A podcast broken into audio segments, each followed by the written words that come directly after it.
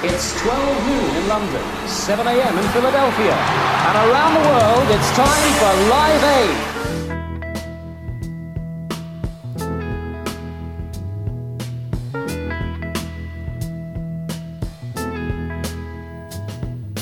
Hello Music Lovers och välkomna till ett nytt avsnitt av Hits och historiepodden med mig, Daniel Brunskog. Idag är det dags för avsnitt 20, vilket innebär ett specialavsnitt som går utanför mallen om 10 låtar från ett specifikt år. Istället ska vi prata om och spela 10 låtar av artister som alla uppträdde på Live Aid-galan den 13 juli 1985. Att i korthet summera Live Aid-galan låter sig knappast göras och vill ni ha hela historien så hittar ni den på Youtube i en fantastisk tre timmars dokumentär av BBC uppdelad i två delar under namnet Live Aid Against All Odds. Men hisspitchen är följande. Bob Geldof var frontman i bandet Boomtown Rats som var på väg utför och lyckades, inte utan lite envishet och på väldigt kort tid, samla ihop 37 av landets mest kända artister och spela in låten “Do They Know It's Christmas” som han hade skrivit tillsammans med Midge Ure, vid det här laget kanske mest känd som sångare och en av de drivande krafterna i bandet Ultravox under deras storhetstid på 80-talet. Efter succén med låten och det påföljande arbetet med att se till att pengarna verkligen användes till det som de var avsedda för så fick Geldof idén att samla ihop band och artister för en jättekonsert på Wembley i London samtidigt som samma sak gjordes på JFK Stadium i Philadelphia. Artister skulle spela omlott i de olika länderna och allt skulle sändas live via satellit på TV över hela världen. Alla sa att det var omöjligt, men med endast 12 veckors förberedelse blev det möjligt ändå och totalt uppträdde 26 olika band och artister på Wembley och 35 i Philadelphia. Och dessutom anslöt en handfull band via länk från bland annat Västtyskland, Sovjetunionen, Nederländerna, Österrike och Australien. Drygt 160 000 personer såg det här live på de två arenorna och ytterligare 40% av jordens befolkning uppskattas ha tagit del av konserterna via TV. Och totalt samlade man in cirka 127 miljoner dollar, vilket är ungefär 2,4 miljarder svenska kronor idag. Men då Geldof initialt förbjöd att inspelningar av uppträdandena skulle sparas eller reproduceras så finns inte allt åtkomligt i rimlig ljudkvalitet. Så det är, precis som med musiken i avsnittet om Woodstock, originalversionerna som dyker upp i poddavsnittet. Men nu kör vi igång. Klockan 12.01 i strålande solsken från en klarblå himmel steg Live Aids första band upp på scenen för sitt utlovade 15 minuters set. Och först ut var Londonbandet som hade bildats under namnet The Scorpions redan 1962, bara drygt två mil från Wembley, nämligen Status Quo. Bandet bildades av 13-åringarna Francis Rossi och Alan Lancaster och via diverse namn och medlemsbyten så landade man till slut 1967 på namnet Status Quo och debutalbumet kom hösten 68. Det stora internationella genombrottet kom först 73 med bandets sjätte album som heter Hello och där bland annat hitlåtarna Roll Over, Lay Down och Caroline finns med. Under perioden 73 till och med 83 så släppte Status Quo ett album om året undantagslöst och alla sålde guld i Storbritannien. Men framförallt även i Frankrike var framgången påfallande och hitlåtar som Down Down och Whatever You Want är numera betraktade som rockstandards. Men låten jag har valt att ta med är faktiskt en cover från 1977 som också blev en stor hit för bandet och den låten som kickade igång hela Live Aid-galan, nämligen Rockin' All Over The World. Låten skrevs och spelades ursprungligen in av John Fogerty 1975 och fanns med på hans andra soloalbum efter uppbrottet med Creedence Clearwater Revival 1972. Låten återetablerade Fogerty som en rocker efter att han på sitt debutalbum som soloartist 73 försökt att komma långt bort från det sound som hade varit så framgångsrikt för Creedence Clearwater Revival. På Rockin' All Over the World spelade Fogerty alla instrument själv och låten pikade som 27 på Billboard Hot 100. Status Quo spelade in sin coverversion 1977 och den påföljande turnén fick namn efter låten.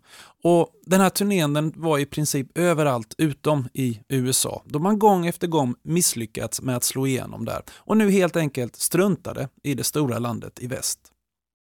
I England och i stora delar av Europa så blev den här låten däremot en singelhit. Och det känns hur självklart som helst att killarna från stan skulle få inleda med just Rockin' all over the world.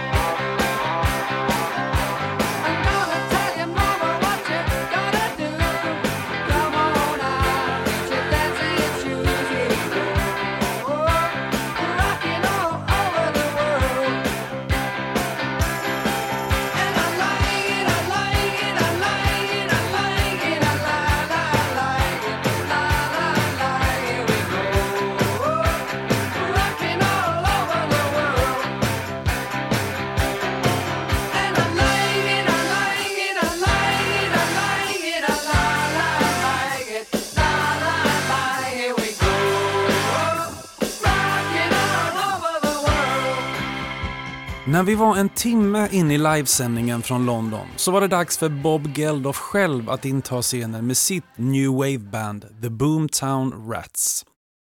Med tanke på att han var ytterst ansvarig för hela arrangemanget så är det ju faktiskt smått obegripligt att han kunde samla sig för att framföra tre låtar med sitt band. Och den som de började med, det var deras största hit som hade kommit sommaren 1979, I Don't Like Mondays. The Boomtown Rats hade bildats i Dublin på Irland 75 och slog igenom med sin debutsingel Looking After Number One som hade kommit i augusti 77. Det självbetitlade debutalbumet följde en månad senare och blev en stor framgång i Storbritannien. Och med uppföljaren A Tonic for the Troops som kom 78 spred sig även bandets framgång till Australien, Nya Zeeland och USA. Och med singeln Rat Trap fick man sin första av vad som skulle komma att bli två raka singelettor i hemlandet. Genombrottet på bred front, och då även i icke-engelskspråkiga länder, kom nämligen med bandets tredje album, A Fine Art of Surfacing, som kom hösten 79. Och den hade föregåtts av singeln I Don't Like Mondays, som redan under sommaren hade blivit en hit över hela Europa, där den i flera länder dessutom toppat singellistorna.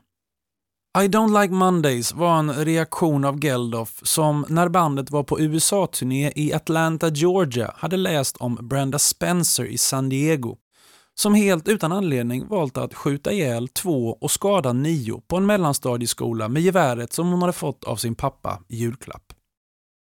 När polisen gripit henne och frågat varför hon gjorde det svarade hon bara att hon gjorde det för att ha lite kul. Hon hatade måndagar och det här var ett sätt att göra dagen lite mer spännande.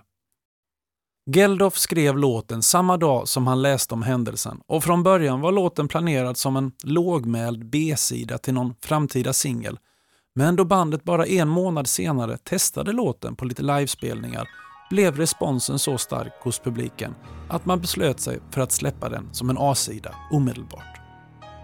Låten blev bandets största hit hittills. Boomtown Rats splittrades 86 men återförenades 2013 och släppte 2020 sitt sjunde och senaste studioalbum. Men piken, det kan man nog utgå ifrån, den kom redan sommaren 79.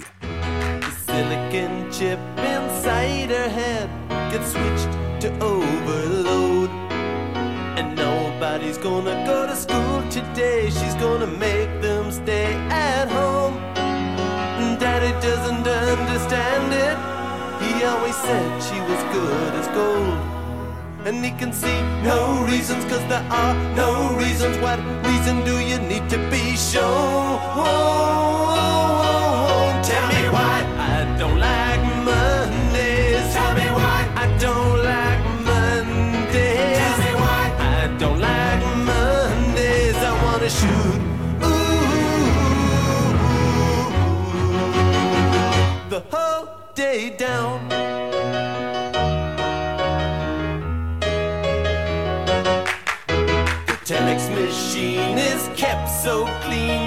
Types to a waging world. A mother feels so shocked, father's world is rocked, and their thoughts turn to their own little girl. Sweet 16 ain't that peachy keen, now it ain't so neat to admit defeat. They can see no reasons, cause there are no reasons. What reasons do you need? Oh, oh, oh, oh tell me why I don't like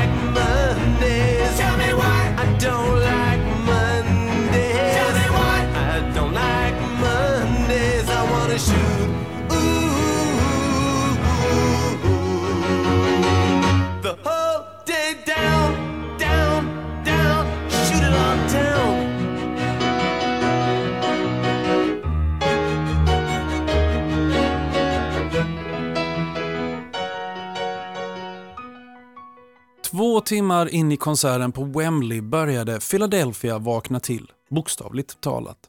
Konserten i London inleddes 12.00 vilket var sju på morgonen i Philadelphia och kanske i tidigaste laget för en rockkonsert.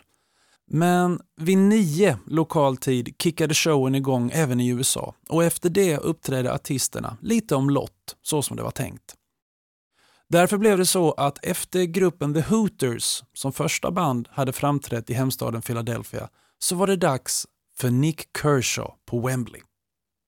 Nick växte upp i Ipswich, 10 mil nordöst om London, i en musikfamilj där pappan spelade flöjt och mamman var operasångerska. Han hoppade av skolan när han var 17 och sjöng och spelade i ett antal olika band. Men när det sista av dem, som heter Fusion, splittrades 1982 bestämde sig Nick för att bli soloartist istället. Han blev signad hos skivbolaget MCA och släppte där sin första singel I won't let the sun go down on me i september 83 som blev en blygsam hit i hemlandet men en jättehit bland annat i Sverige. Större framgångar på hemmaplan följde med hans andra singel Wouldn't it be good som dessutom nådde ut över hela Europa samt till Kanada och Australien. Debutalbumet som kom i början av 84 och som såklart innehöll de två nämnda singlarna, men även hitsen Dancing Girls och titelspåret Human Racing blev en stor framgång och var bland annat nominerat till Årets album på Brit Awards. Men det var med titellåten på nästkommande album som hela popvärlden skulle få koll på Nick Kershaw. Och den låten hette The Riddle.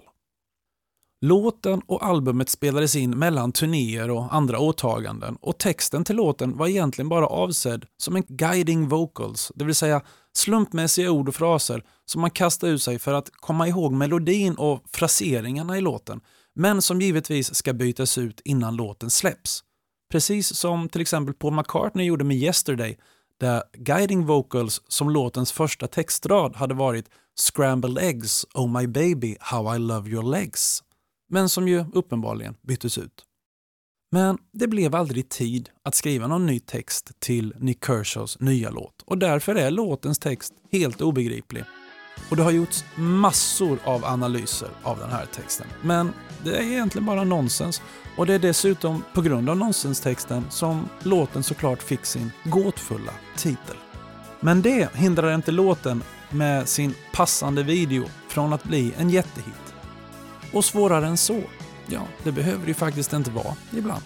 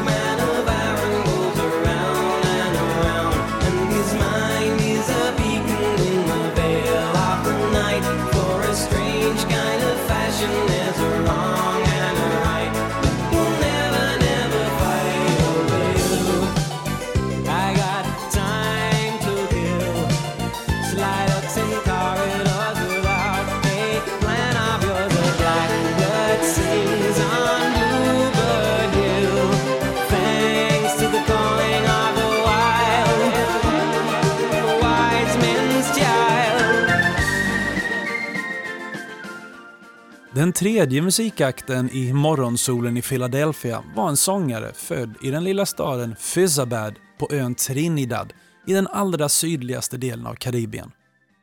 Hans egentliga namn är Leslie Sebastian Charles, men från 24 års ålder är han känd som Billy Ocean.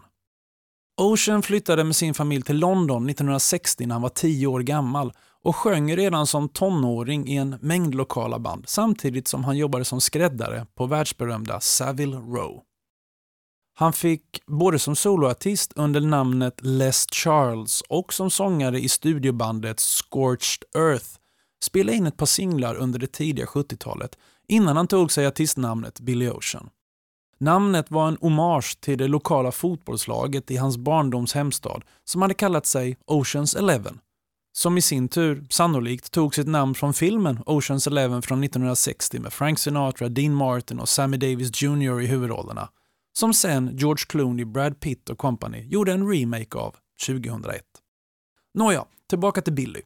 Han slog igenom 76 under sitt nya artistnamn med sin debutsingel Love Really Hurts Without You som blev en hit över hela Europa men även i Nordamerika och Australien. Under de kommande sex åren släppte han fyra album som alla gjorde okej okay ifrån sig, utan att för den delen göra avtryck på några hitlistor någonstans. Och sakta men säkert föll Oceans musik bort från radiokanalerna och de stora scenerna. Men återkomsten och vad som ofta kallas hans andra genombrott skulle komma 1984 med låten som jag har plockat ut till det här poddavsnittet, nämligen Caribbean Queen, No More Love on the Run. Singeln kom i augusti 84 som den första från Oceans kommande album Suddenly, som skulle släppas en månad senare. Och singeln spelades in i tre olika versioner för tre olika marknader. European Queen för den europeiska marknaden, African Queen för den afrikanska och slutligen Caribbean Queen för den amerikanska. Den europeiska versionen blev en hit i Västtyskland och Schweiz. Den afrikanska versionen bara i Sydafrika, men Caribbean Queen blev en hit överallt. Det blev hans första listetta på Billboard Hot 100 och han vann en Grammy i USA för Best Male R&B Vocal Performance, vilket gjorde honom till den första brittiska artist någonsin att vinna det priset. Så det var inte helt utan självförtroende som Billy Ocean intog scenen i Philadelphia den 13 juli 85.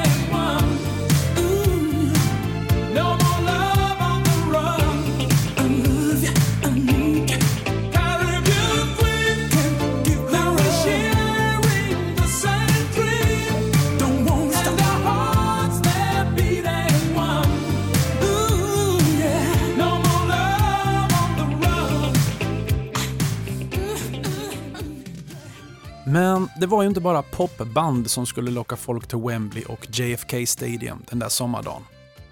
En av hårdrockens giganter var först ut med lite tyngre gitarrer redan klockan 10 lokal tid i Philadelphia, nämligen Black Sabbath.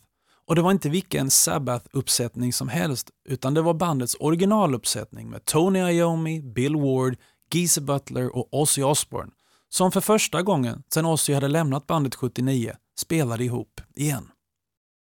Både Sabbath och Ozzy hade sedan de splittrades haft stora framgångar på varsitt håll. Sabbath hade rekryterat sångaren Ronnie James Dio och 1980 och 81 hade man släppt de framgångsrika albumen Heaven and Hell och Mob Rules. Dio hade sedan efterföljts av tidigare Deep Purple-frontmannen Ian Gillan med vilken Sabbath hade spelat in albumet Born Again 1983. Ozzy å sin sida hade som soloartist släppt tre mycket framgångsrika album på egen hand under samma period. Blizzard of Oz, Diary of a Madman och Bark at the Moon. Det var alltså ingen som behövde bevisa något när de bestämde sig för att bara för den dagen spela ihop igen. Och av de tre låtar som Black Sabbath framförde har jag valt den som man inledde med, nämligen Children of the Grave. Children of the Grave dök upp på bandets tredje album, Masters of Reality, som kom 71 och som fortsatte traditionen av antikrigslåtar som hade påbörjats tidigare i karriären med bland annat Warpigs. Albumet var det första i bandets karriär som man faktiskt fick längre än en vecka på sig i studion för att spela in. Och dessutom började man nu känna sig så pass bekväma i studion att man började komma med egna kreativa idéer angående inspelning och mixning. Detta var också första gången som gitarristen Tony Iommi stämde ner sin gitarr ett och ett halvt tonsteg, vilket skapade, förutom lägre toner, också mindre spända strängar, vilket gjorde det mindre smärtsamt för Iommi att spela, då han flera år tidigare hade skadat sina fingrar i en olycka på en fabrik.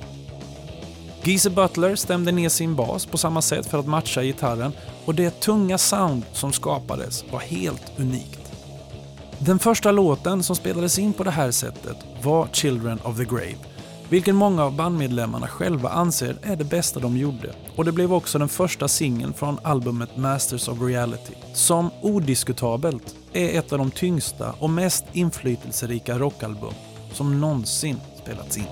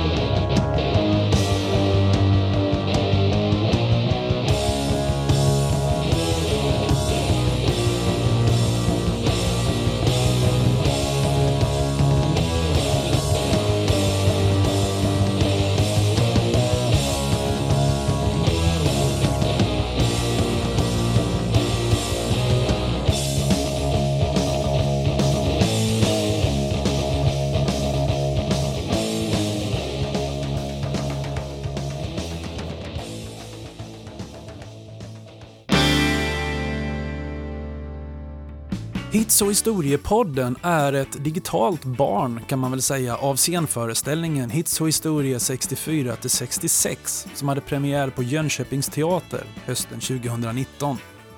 Med undertecknad och ytterligare nio musiker och artister så tar föreställningen sitt avstamp i februari 64 när The Beatles uppträdde på The Ed Sullivan Show för första gången och redogör sedan för hur den brittiska rockvågen sköljde in över Amerika och la grunden till pop och rockmusiken som vi känner den idag.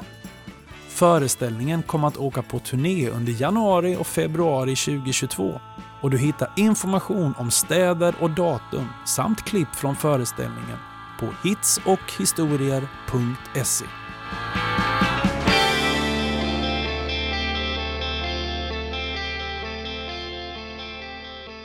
Strax innan lunch på Philadelphia-scenen var det dags för nästa artist i det här poddavsnittet om Live Aid-galan, nämligen australiensaren Rick Springfield. Springfield började sin karriär i Adelaide-baserade bandet Suit som hade en rad hits i Australien under perioden 69 71. Men Springfield hade mer och mer börjat skriva musik som inte passade för bandet han var i och han lämnade Suit 72 och flyttade då till USA i förhoppning om att som soloartist kunna ta nästa steg. Det tog dock minst sagt lite tid och förutom att satsa på sin musik så lanserade han parallellt en karriär som skådespelare. 1977 gjorde han sin tv-debut med en liten roll i science fiction-serien The Six Million Dollar Man och smårollerna rullade på tills han 1981 fick en av huvudrollerna i såpan General Hospital som är USAs mest prisbelönta såpa och som än idag har gått oavbrutet sedan 1963. Problemet var bara att han i samma veva släppte sitt nya album Working Class Dog. Varken Springfield eller hans manager trodde att albumet skulle bli någon storsäljare för inget av hans andra fyra soloalbum hade ju blivit det. Och dessutom var det nu fem år sedan han hade släppt någonting nytt. Men på det nya albumet fanns låten Jessie's Girl Sakta men säkert jobbade sig låten upp till första platsen på singellistan både i Australien och i USA under de kommande två åren så var han skådis på dagarna och rockstjärna på kvällarna. Innan han till slut släppte rollen som Noah Drake i General Hospital för att vara musiker på heltid igen. Jessie's Girl följdes upp av ytterligare fyra topp 10-singlar och det är den sista av de här som han inledde sitt set med på scenen i Philadelphia, nämligen Love Somebody. Singeln kom sommaren 84 och togs från albumet Hard to Hold som var soundtrack till en film med samma namn där Rick spelade huvudrollen. Filmen fullständigt floppade och han har ju själv i efterhand erkänt att han tyckte att manuset var så dåligt att han bokstavligt talat kastade det i väggen när han läste igenom det första gången. Men han insåg samtidigt att han skulle kunna tjäna pengar på filmen och inte minst soundtracket som han hade skrivit sju av de tio låtarna till. Och därför gick han med på att göra filmen ändå. Och han fick rätt. Albumet sålde platina i USA och singeln Love Somebody pikade som femma på Billboard Hot 100. Men karriären gick i stå i slutet av 80-talet och även om Springfield fortsatt att släppa musik fram till dessa dagar så blev Love Somebody hans sista besök på toppen av hitlistorna och uppträdandet på Live Aid den största publik han någonsin spelat för.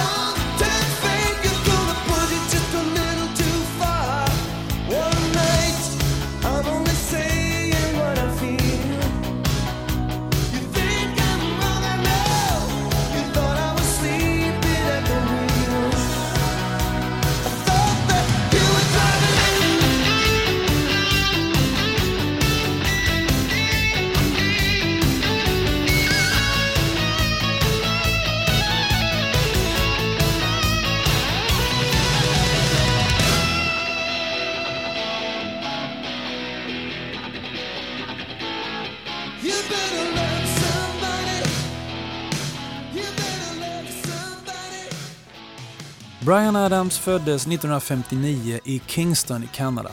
Men då hans far arbetade som diplomat för landets räkning så flyttades det runt en hel del under barndomen. Och flera skolår spenderades i Portugal, Österrike och Israel innan han som tonåring var hemma igen i Kanada där han tillsammans med sin mamma och lillebror landade i Vancouver. Där började han spela gitarr och sjunga i olika band och som 18-åring beslöt han sig för att satsa på en solokarriär och tillsammans med musikervännen Jim Valens började han 1978 skriva låtar till sig själv, men även till andra artister.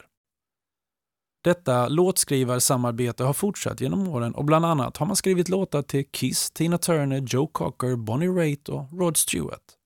Det självbetitlade debutalbumet kom 1980 och blev en framgång i Kanada, men albumet tog sig inte utanför landets gränser vilket däremot uppföljaren You Want It, You Got It gjorde. Mycket tack vare singeln Lonely Nights som tog sig in på de rockorienterade singellistorna i USA. Därmed fanns det luft under vingarna när Adams gick in i studion för att spela in sitt tredje album. Och det är från det som jag har tagit titelspåret, tillika det stora genombrottet på Billboard Hot 100, nämligen Cuts Like a Knife. Låten skrevs av Adams tillsammans med Valens och släpptes som singel fyra månader efter att albumet dykt upp och låten pikade på 15 platsen på Billboard Hot 100 och hjälpte albumet till fina försäljningssiffror. Platina i USA och trippelplatina i Kanada. När Adams intog scenen på Live Aid hade visserligen albumet Reckless också släppts 84. Ett album som kom att säljas i 12 miljoner ex och med radiohits som Summer of 69, Heaven, Kids Wanna Rock, Run To You och tillsammans med Tina Turner It's Only Love. Men albumet hade ännu inte nått sin fulla potential på listorna. Adams började därför med det nyare materialet från Reckless, men när den fjärde och sista låten skulle spelas, då valde han ändå Cuts Like A Knife.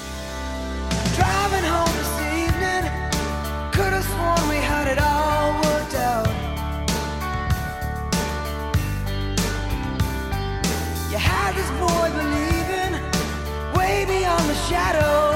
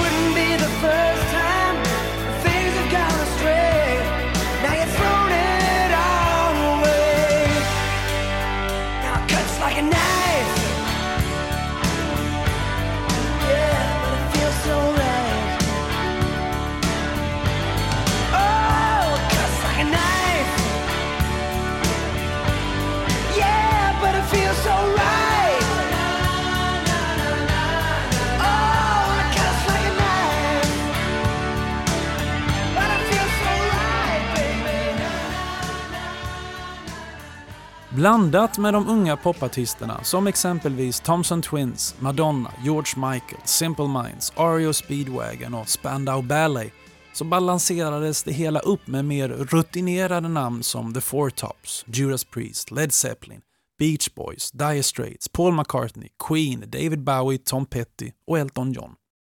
Och till den listan kan vi också lägga kanske den mest osannolika återföreningen som galan bjöd på, nämligen The Who.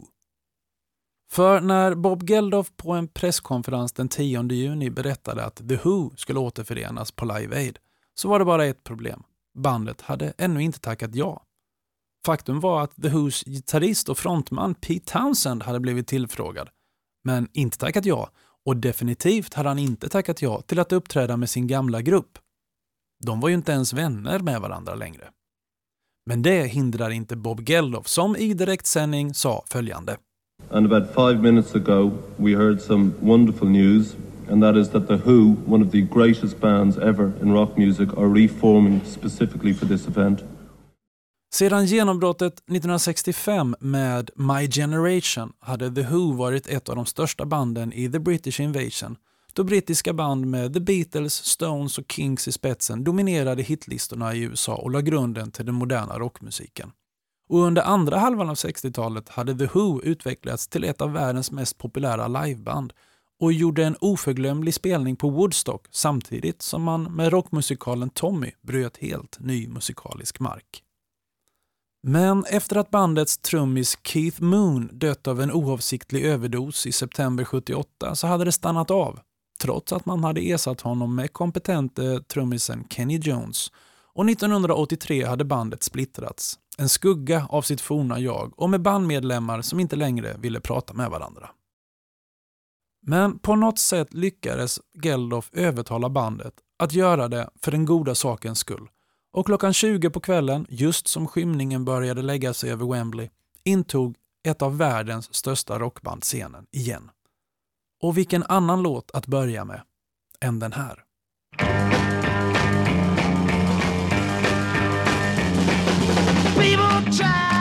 Try to put us to down. Talking about my generation. Just because we get around. Talking about my generation. Things they do look awful. Talking about my generation. I hope I die before I get old. Talking about my generation. This is my generation, baby. Why don't you all fade away? Try to dig what we all say. I'm not trying to cause a big sensation. I'm just talking about. My generation.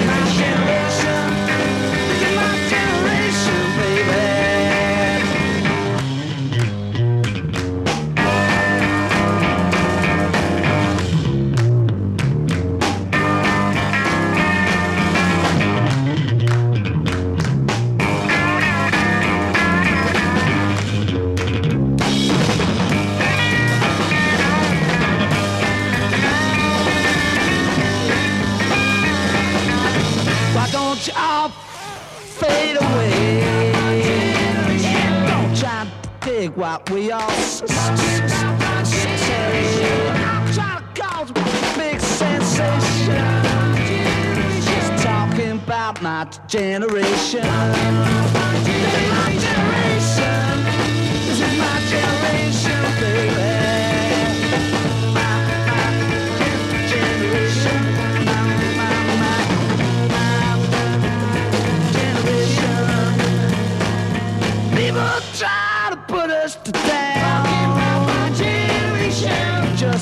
Cause we could get around. My generation. They do look awful cold. My generation. I hope I die before I get old.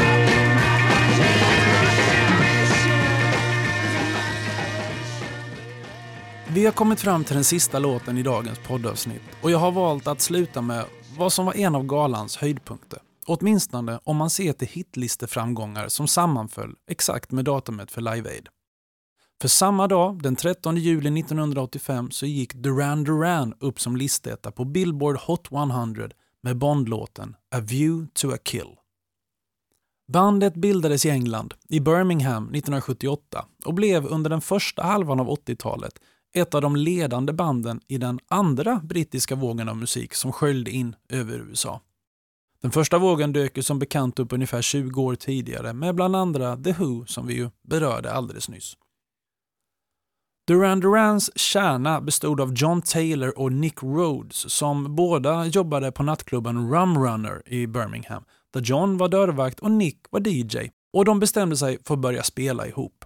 The Rum Runner var en av Birminghams mest populära nattklubbar som ofta frekventerades av exempelvis medlemmar från Electric Light Orchestra och Black Sabbath. John spelade bas och Nick keyboard och till duon anslöt under 79 även Roger Taylor på trummor och Andy Taylor på gitarr. Trots att de två delade efternamn med basisten John så var ingen av de tre släkt med varandra. Och kvartetten fick använda nattklubben som replokal. Och de jobbade alla fyra även i driften av den då Roger jobbade som glasplockare och Andy i köket. Gruppen tog sitt namn efter rollkaraktären Dr. Duran Durand i science fiction-filmen Barbarella som hade kommit 1968. Och efter att ha rekryterat en sångare så började bandet spela in demos som man skickade runt till olika skivbolag. Och efter ett antal olika sångare och olika demos föll allting till slut på plats när sångaren Simon Le Bon anslöt till gruppen 1980 och Duran Duran landade ett skivkontrakt med EMI. Den tredje singeln, Girls on Film, från det självbetitlade debutalbumet tog sig upp till femteplatsen på UK Singles Chart och albumet slog stort både i hemlandet, Sverige, USA och Down Under. De kommande två albumen gick ännu bättre och när vi är framme vid 1984 var Duran Duran ett av de absolut mest framgångsrika popbanden i världen. Under en fest någon gång vid den här tiden så stötte den berusade basisten i bandet John Taylor på Bondfilmsproducenten Albert R. Broccoli på en fest. John var en stor Bondfantast och lät upplysa Broccoli att de senaste filmerna varit fantastiska, men musiken till dem bara blivit sämre och sämre. Men att hans band minsann kunde lösa det problemet åt honom om han var intresserad av det. Broccoli tog erbjudandet under övervägande och så kom det sig att Duran Duran till slut fick uppdraget att skriva ledmotivet till den kommande Bondfilmen A View to a Kill som kom att bli den sista med Roger Moore i huvudrollen. Låten skrevs av bandet och sen arrangerade John Barry, som ju hade skrivit det klassiska Bond-temat över 20 år tidigare, låtens omfattande orkesterpartier. Singeln släpptes i maj 85, två veckor innan filmen. Och när Duran Duran spelade den och en halvfull till på Live Aid så blev det faktiskt sista gången som de fem spelade live tillsammans fram till 2001. För vad som bara varit tänkt som en liten paus efter fyra års intensivt turnerande varvat med studioinspelningar blev till ett uppbrott av bandets så framgångsrika line-up då trummisen Roger Taylor helt enkelt inte orkade fortsätta med det hektiska poplivet och drog sig tillbaka från bandet. Inom ett år hade även gitarristen Andy Taylor valt att gå sin egen väg. Men på Live Aid så stod bandet på topp, mycket tack vare den enda Bondlåten som någonsin blivit en listetta på Billboard Hot 100 och som dessutom var det just där och då. Tusen tack för att ni har hängt med i det här avsnittet om Live Aid med Hits och Historiepodden. Vi hörs snart igen. Ha det gött. Hej! Meeting you with a view to a Face to face in secret places Feel the chill